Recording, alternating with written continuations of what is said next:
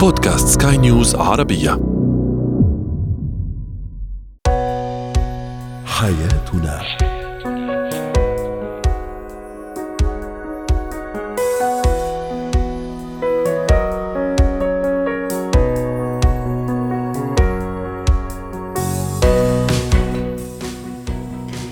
مستمعينا الكرام أهلا بكم معنا إلى حياتنا فضاؤكم اليومي الذي يعنى بشؤون الأسرة وباقي الشؤون الحياتية الأخرى والذي يمكنكم الاستماع إليه عبر منصة سكاي نيوز عربيه dot com slash podcast وباقي منصات سكاي نيوز العربيه الأخرى. شاركونا عبر رقم الواتساب 00971 561 8 6 2 2 3 معي أنا أمان شاب اليوم نتحدث عن الشريك دائم العصبية كيف يؤثر ذلك على علاقته مع الطرف الآخر؟ كيف أربي الطفل بعيدا عن التعصب والعنصرية؟ وأخيرا مواجهة المخاوف كيف يتم ذلك؟ كيف نواجه مخاوفنا؟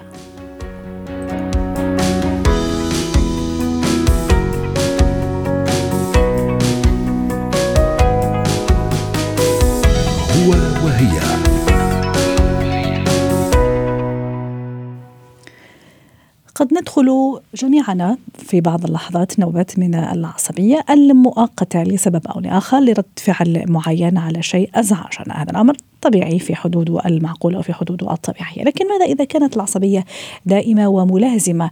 لنا وموضوعنا اليوم العصبية الشريك الدائم العصبية موضوع للزوج والزوجة. عندما تدخل العصبية الدائمة بيت الزوجية رحبوا معي بسماح سمارة الاستشارية استشارية العلاقات الأسرية ضيفتنا من عمان. أهلا وسهلا. أستاذة سماح العصبية يعني شيء طبيعي عادي يحدث ونعصب ممكن بين فترة أخرى لسبب ما أزعجنا. لكن ماذا إذا كانت هذه العصبية الصفة لصيقة بنا بالزوج والزوجة. موضوعنا اليوم في بيت الزوجية عندما تطرق العصبية الدائمة بيت الزوجية ما الذي يحدث داخله؟ يسعد مساكي يا أهلا وسهلا. وأنتم بخير. وأنت بصحة خلينا وسلامة نحكي شوي. تسلمي. خلينا نحكي شوية معلومات سريعة عن المشاعر. هلا المشاعر هي ط- طريقة تعبير الجسد عن الأشياء اللي بتحصل في عقلي في أفكاري. أو أنا كيف بستلم آه، آه، من خلال الأحاسيس تبعتي وكيف بترجمها. فإذا أنا شخص متوازن رح أترجم هاي الأحاسيس بطريقة إيجابية. إذا أنا شخص مضطرب رح أترجمها بطريقة مضطربة. مثلا أنت مريتي من قدامي وما سلمتي علي. أنا إذا شخص متوازن رح أقول أمال ما شافتني شكله في شيء شغلها. الله يبينها إذا أنا مضطربة رح أقول هي ما شافتني هي قاصدة ما تسلم علي هي طول عمرها ما بتحبني. فالمشاعر دائما مش مرتبطة بالشيء الخارجي هي على الأغلب مرتبطة بالشيء الداخلي وتفسيراتي لإله ليه بقول هذا الحكي؟ علشان ما ناخذ الموضوع بشكل شخصي إنه الطرف الثاني ما بيحترمني أو إنه بيكرهني. شغلة ثانية إنه بدنا نعرف إنه الغضب هو شيء لا واعي. فإذا الشخص طول عمره عصبي مرات رح يكون صعب عليه إنه يتحكم بلحظتها في الغضب، فالانفعال رح يشوه التفكير المنطقي عنده بنسبة كثير كبيرة وممكن تنتج عنه أفعال مؤذية، فأنا دائما بدي أحاول إني ما أوصل الطرف الثاني لحالة الانفعال. أوكي علشان جميل. ما نزيد الطين بله. مم. هلأ إذا بدنا نحكي مثلا إيش في أسباب أو كيف نتعامل إحنا مع الشخص العصبي؟ أيوه آه هذه هي. أستاذة استاذه أحيانا عم تقولي حضرتك إنه نحاول إنه ما أوصل الطرف الآخر يعني ل حافة الانفعال لكن أحيانا بعض الأشخاص عندهم القابلية في كل لحظة وفي كل ثانية وأمام كل المواقف أنه يعصب حتى إذا شيء ما يستاهل هذيك العصبية لكن أول رد فعل له أنه يعصب بشكل دائم ومستمر. يعني هذه طريقته أو هذه طريقتها في الحياة وفي التعبير. هون الم- المشكلة يعني بتزيد تعقيدا وتزداد تعقيدا. ما هو أنا لازم أنا أكون واعية إنه زي ما قلنا إنه مش دائما الموضوع بتعلق فيي. فأنا بدي أكون أنا كشريكة بدي أكون آه، آه، ذكية أعرف إيش الأسباب اللي وراء العصبية. لأنه في دائما في سبب معين وراء هاي العص- العصبية. إيه بس أحيانا مو يعني الزوج مثلا ما بيعصب فقط أنا علي أو الزوجة ما بتعصب أنا علي ممكن على الأولاد على ممكن المساعدة المنزلية على صديقتها على صديقه كلمه. عرفتي كيف؟ يعني استنفار دائم وعلى على مدار الساعة. وأكيد يعني هون راح يخلي الطرف الآخر جدا حذر وجدا يعني كل خطوة يحسب لها ألف حساب وبالتالي منه على طبيعته هذا يعني هل يعني العلاقة مش مش متوازنة مش طبيعية. ما هو أنا زي ما قلت لك دائما في سبب وراء هاي العصبية. أحيانا السبب أنا بقدر المفتاح بيكون بإيدي. مم. أحيانا المفتاح بيكون بإيد الطرف الثاني. أنا بدي أطلب منه إيش هذا المفتاح عشان أتعامل معه. مم. مثلا ممكن أنا أكون محفز لهي العصبية. أنا طريقتي آه، مستفزة.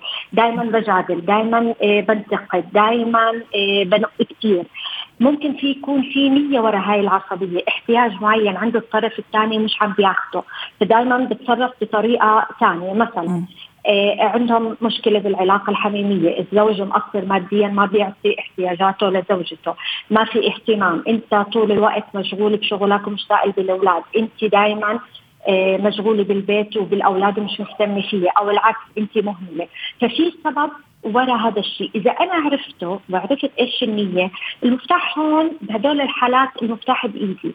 فسهل الحل. أشوف شو المحفز وأحاول اوقفه أشوف شو الاحتياج واعطيه هلأ في أحيانا زي ما قلتي ممكن آه، آه، الشخص نفسه عصبي. أنا تزوجته وهو عصبي أيوة. أو أنا تزوجتها وهي عصبية.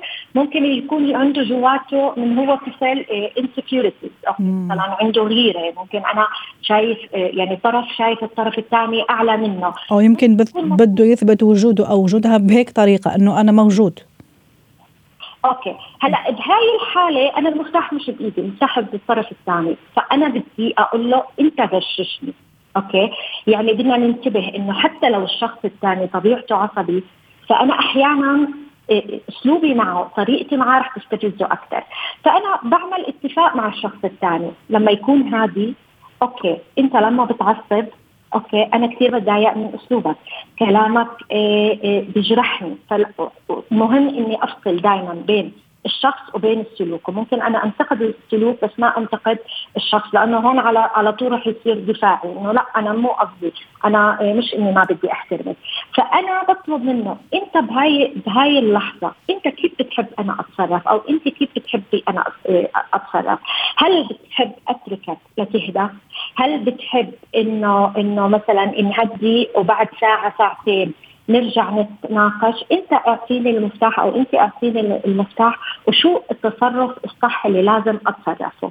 ومهم يكون كمان بالاتفاق انه أنا اذا سكتت وتحملت ومثلا ما عبرت عن اللي جواي لا بس أنا من حقي انه بعد ساعة ساعتين نرجع إحنا إيه، نحكي بالموضوع. وإحنا مثلا إيه، إيه، رايقين. واحد غلط okay أنا تحملتك بس بعديها بدك ترجع أنت مثلا تعتذر بس بس بس بس لإمتى هيك كمان أستاذة سماح؟ يعني okay إحنا عملنا اتفاق واتفقنا بس حين أقول لك الطبع يغلب التطبع يعني. هو ما قدر يتخلص من عصبيته أو هي ما قدرت تتخلص من عصبيتها هون في هالحالة هل مثلا زيارة يعني حدا متخصص حدا يعني يعني ممكن هو اللي يساعد في في هالموضوع؟ لأنه خلص بطلنا يعني الاتفاقية دي okay بنعملها والهدنة نعملها ثم بعد فترة بتنهار هالاتفاقية وهالهدنة إذا صح التعبير باختصار؟ طبعا. أول شيء التغيير كثير صعب لأنه المشاعر مرات الواحد بيزمن عليها وبتكون أصلا مبرمج عليه وردود الأفعال بتكون لا واعيه، لكن هلأ في طرف رح يقدر يميز إنه هل الطرف الثاني بيحاول وما عم بيقدر فهون مثلا بدنا نصبر عليه، بدنا نشجعه، ولا إنه لا أنا عصبي عاجبك عاجبك مش عاجبك بلاش. أنا أنت أخذتني هيك بدك إياني ولا لا؟ هون الصراحة رح تكون أصلا المشكلة كثير كثيره معناته ممكن بشكل كثير كثير إنه ينهار مو فارقة معي أو أنت مو فارق معي فهون لا بدي أتخذ أنا إجراء ثاني. أو ممكن إنه زي ما قلتي إذا شخص بصير عصبي وأنا يعني يعني أنا ما بقدر أتحمل أوكي بقول له أنا مثلا أنا كثير بحبك وأنا بدي إياك بس أنا ما بقدر أتحمل هذا الحكي. إيه البيت ممكن ينهار. فإذا أنت بدك أو مثلا انت بتحبيني لازم نشوف وقتها شخص مختص. لأنه مرات الطرف الثاني ما عنده التولز اللي يعرف يتعامل معه. تمام. شكرا لك سيدة سماح سمارة استشارية العلاقات الأسرية والزوجية ضيفتنا من عمان. زينة الحياة. كيف أربي طفلا بعيدا عن التعصب وال والعنصرية. للحديث عن هذا الموضوع رحبوا معي بالدكتورة منى لملوم الخبيرة التربوية ضيفتنا من القاهرة. أهلا وسهلا بالدكتورة منى. الأطفال بدون شك لا يولدون عنصريين لكن أحيانا بعض تصرفات الأهل المحيط البيئة الأسرة تجعلهم كذلك. كيف أجعل طفلي بمنأى عن أي شكل من أشكال التعصب والعنصرية؟ آه، أهلا بحضرتك أستاذة أمال.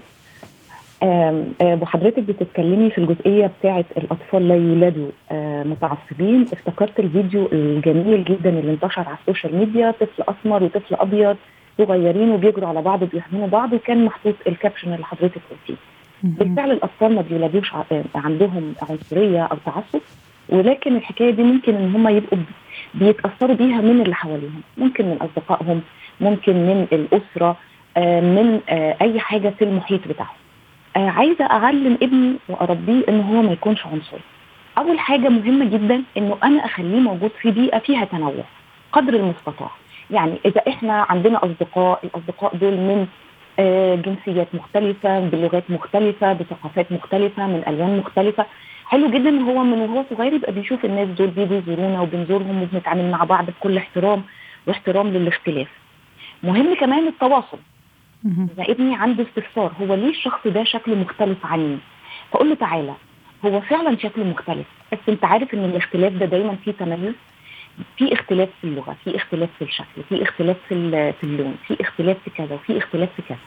ومن أجمل القصص اللي كنت قريتها آه عن الجزئية دي كتاب اسمه أنا والتمييز تأليف جيم لاسي وترجمة وفاء أشرف.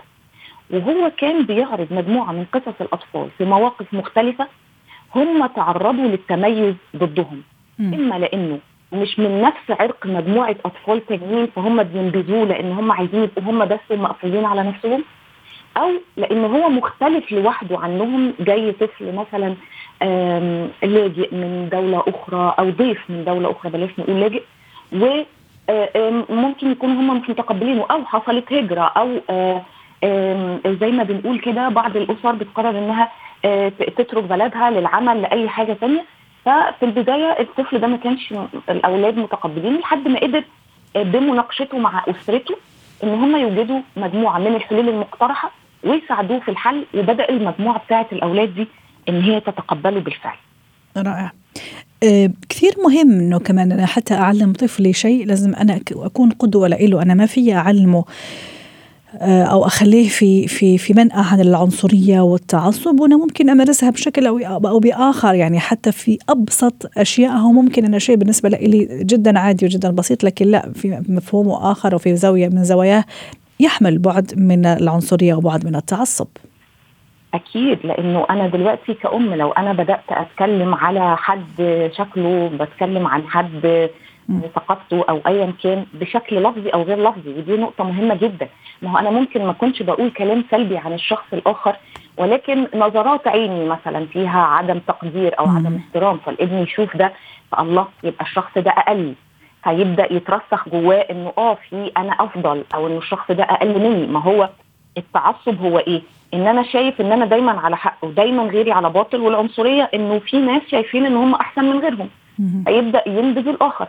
فمهم إن الام والاب هم نفسهم يكونوا بيعملوا ده آه بيحترموا الآخرين لفظا و آه وبشكل غير لفظي كمان. دي مهمه جدا. رائع. كمان لو تسمحي لي برضه اليونيسيف كانت بتقول حاجة مهمة قوي.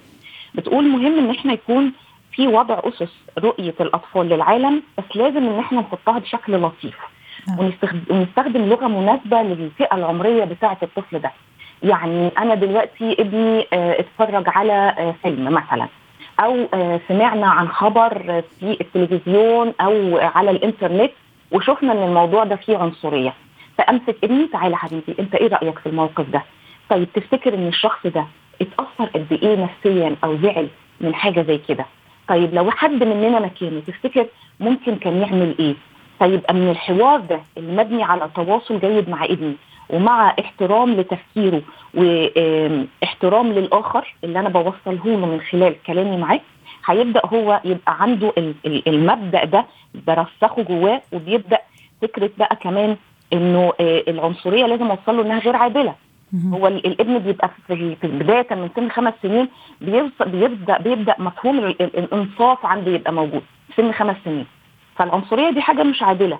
وإن الاختلاف مهم وإن الاختلاف تنوع وبيخلي الناس تتكامل. فأبدل الكراهية بالتعاطف والتسامح. الحاجتين دول مهمين جدا إني أغرسهم في ابني رائع جميل. طيب وكمان الاستفادة من وسائل التواصل الاجتماعي من التكنولوجي كمان. حضرتك أشرتي أول ما في المداخلة أنه أخليه يتعرف على قد الإمكان بأوساط مختلفة عن أوساطنا مثلا كشكل لون بشرة انتماءات أيضا دينية عرقية على اختلافها طبعا. لكن إذا مثلا أنا كنت في بيئة لا يعني بيئة يعني موحدة إذا صح التعبير ما عندي هذا هذا هذا الفرصة. فأكيد الاستفادة من التكنولوجيا وسائل التواصل يعني العالم صار كمان يعني قرية صغيرة جدا وكله مفتوح على الثاني. فهذا النقطه كثير ضرورية حتى يعني أستفيد منها في في في موضوع التعصب والعنصرية وخليه يعني يتربى بعيدا عن هذه المشكلة.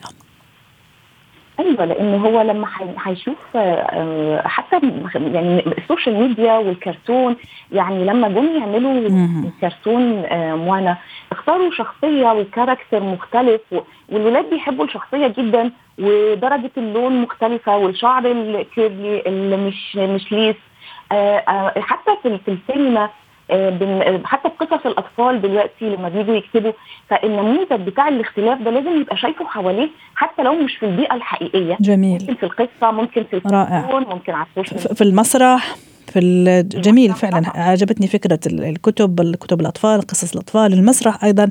آه، أكيد يعني فرصة رائعة وجميلة على التعرف على الاختلاف والاختلاف رحمة. شكرا لك دكتورة منى لملوم الخبيرة التربوية ضيفتي العزيزة من القاهرة. مهارات الحياة. لكل شخص منا مخاوف معينة قد تكون مبررة أحيانا وأحيانا مبالغ فيها.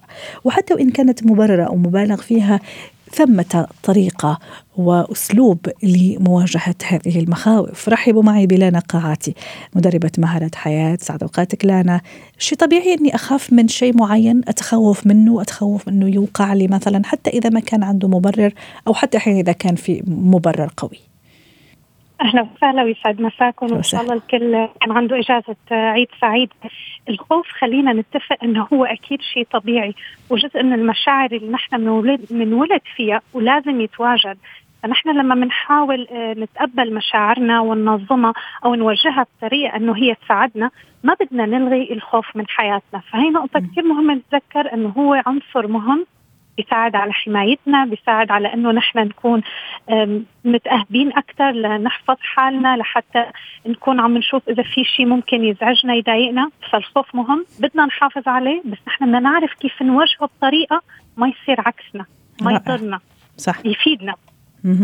طيب كيف أوجهه يا أستاذة لنا بطريقة بيفيدنا؟ بالعكس مخاوفي اللي أنا متخوفة منها آه، أوجهها بشكل إيجابي وأسيطر عليها.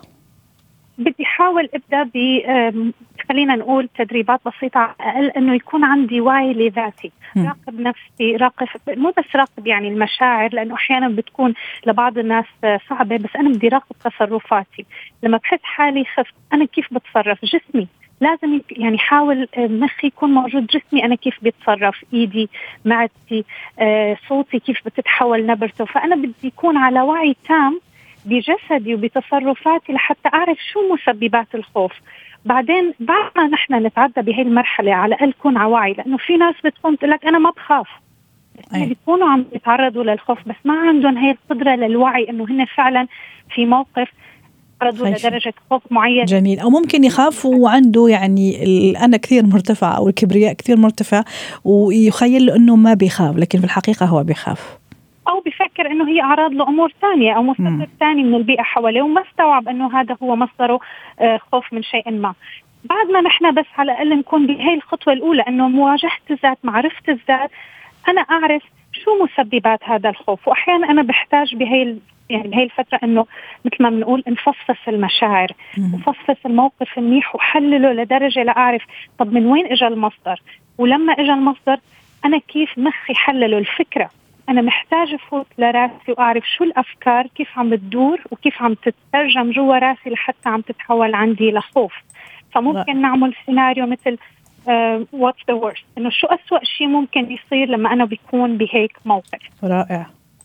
طيب هي من الأمور أي. البسيطة اللي أي حدا ممكن يعملها حتى إذا كنت رايح مثلا على مقابلة مع مدير أو عندي موقف مع صديق كثير. مثلا آه صعب بدي واجه بموضوع معين أو مع أولادي أو بعلاقة معينة دائما ننظر شو أسوأ حالة ممكن تصير اللي نحن بنقول عليها السيناريوهات السيناريوهات السلبية أو السيئة حضر حالي في بعض الناس حتى ما, ما يسمح لنفسه أنه يتخيل هيك سيناريوهات هل هذا مؤشر سلبي ولازم كمان أني أسيطر عليه؟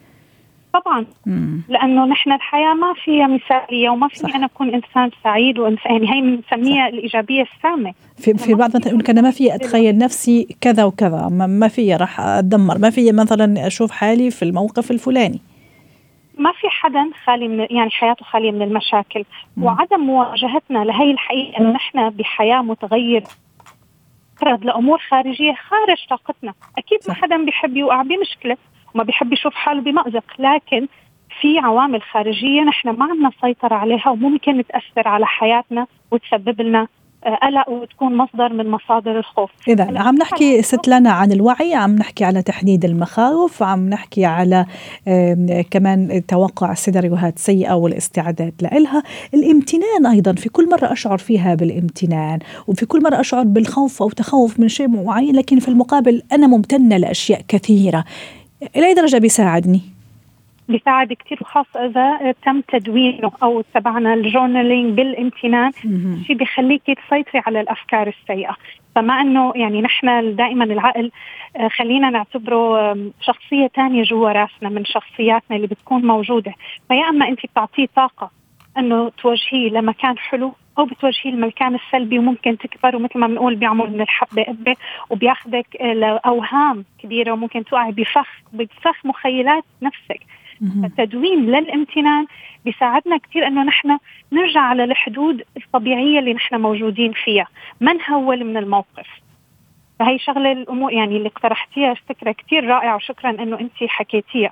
الأمور الثانية اللي نحن كمان ممكن نضيفها في خلينا نتذكر إنه أحيانا في درجات من الخوف هي ممكن تكون درجات أعلى من الطبيعي اللي الإنسان يمكن يسيطر عليها أو مو عرفان كيف يسيطر عليها. فهون بحب كثير وضح إنه الواحد يستفيد ويحاول يتعاون مثلا مع أخصائي نفسي آه مع آه كوتش آه يعني مختص بالبرمجة العصبية بتخليه يعرف كيف يحل أفكاره كيف يواجه نفسه. فأنا بقارن نفسي هل الخوف هذا عم بخليني أوقف عم بخليني ما أتطور عم بيأثر على حياتي عم يعمل لي مشاكل. فأنا بهالوقت لازم آخذ خطوة وأتوجه لحدا يساعدني وأكيد. منه عيب إنه أنا آخذ هي الخطوة. نعم. إذا ما عندي القدرة إني أحلها بنفسي. نعم. شكرا لك سدى قاعتي مدربة مهارات حياة ضيفتنا العزيزة وأتمنى لك أوقات سعيدة.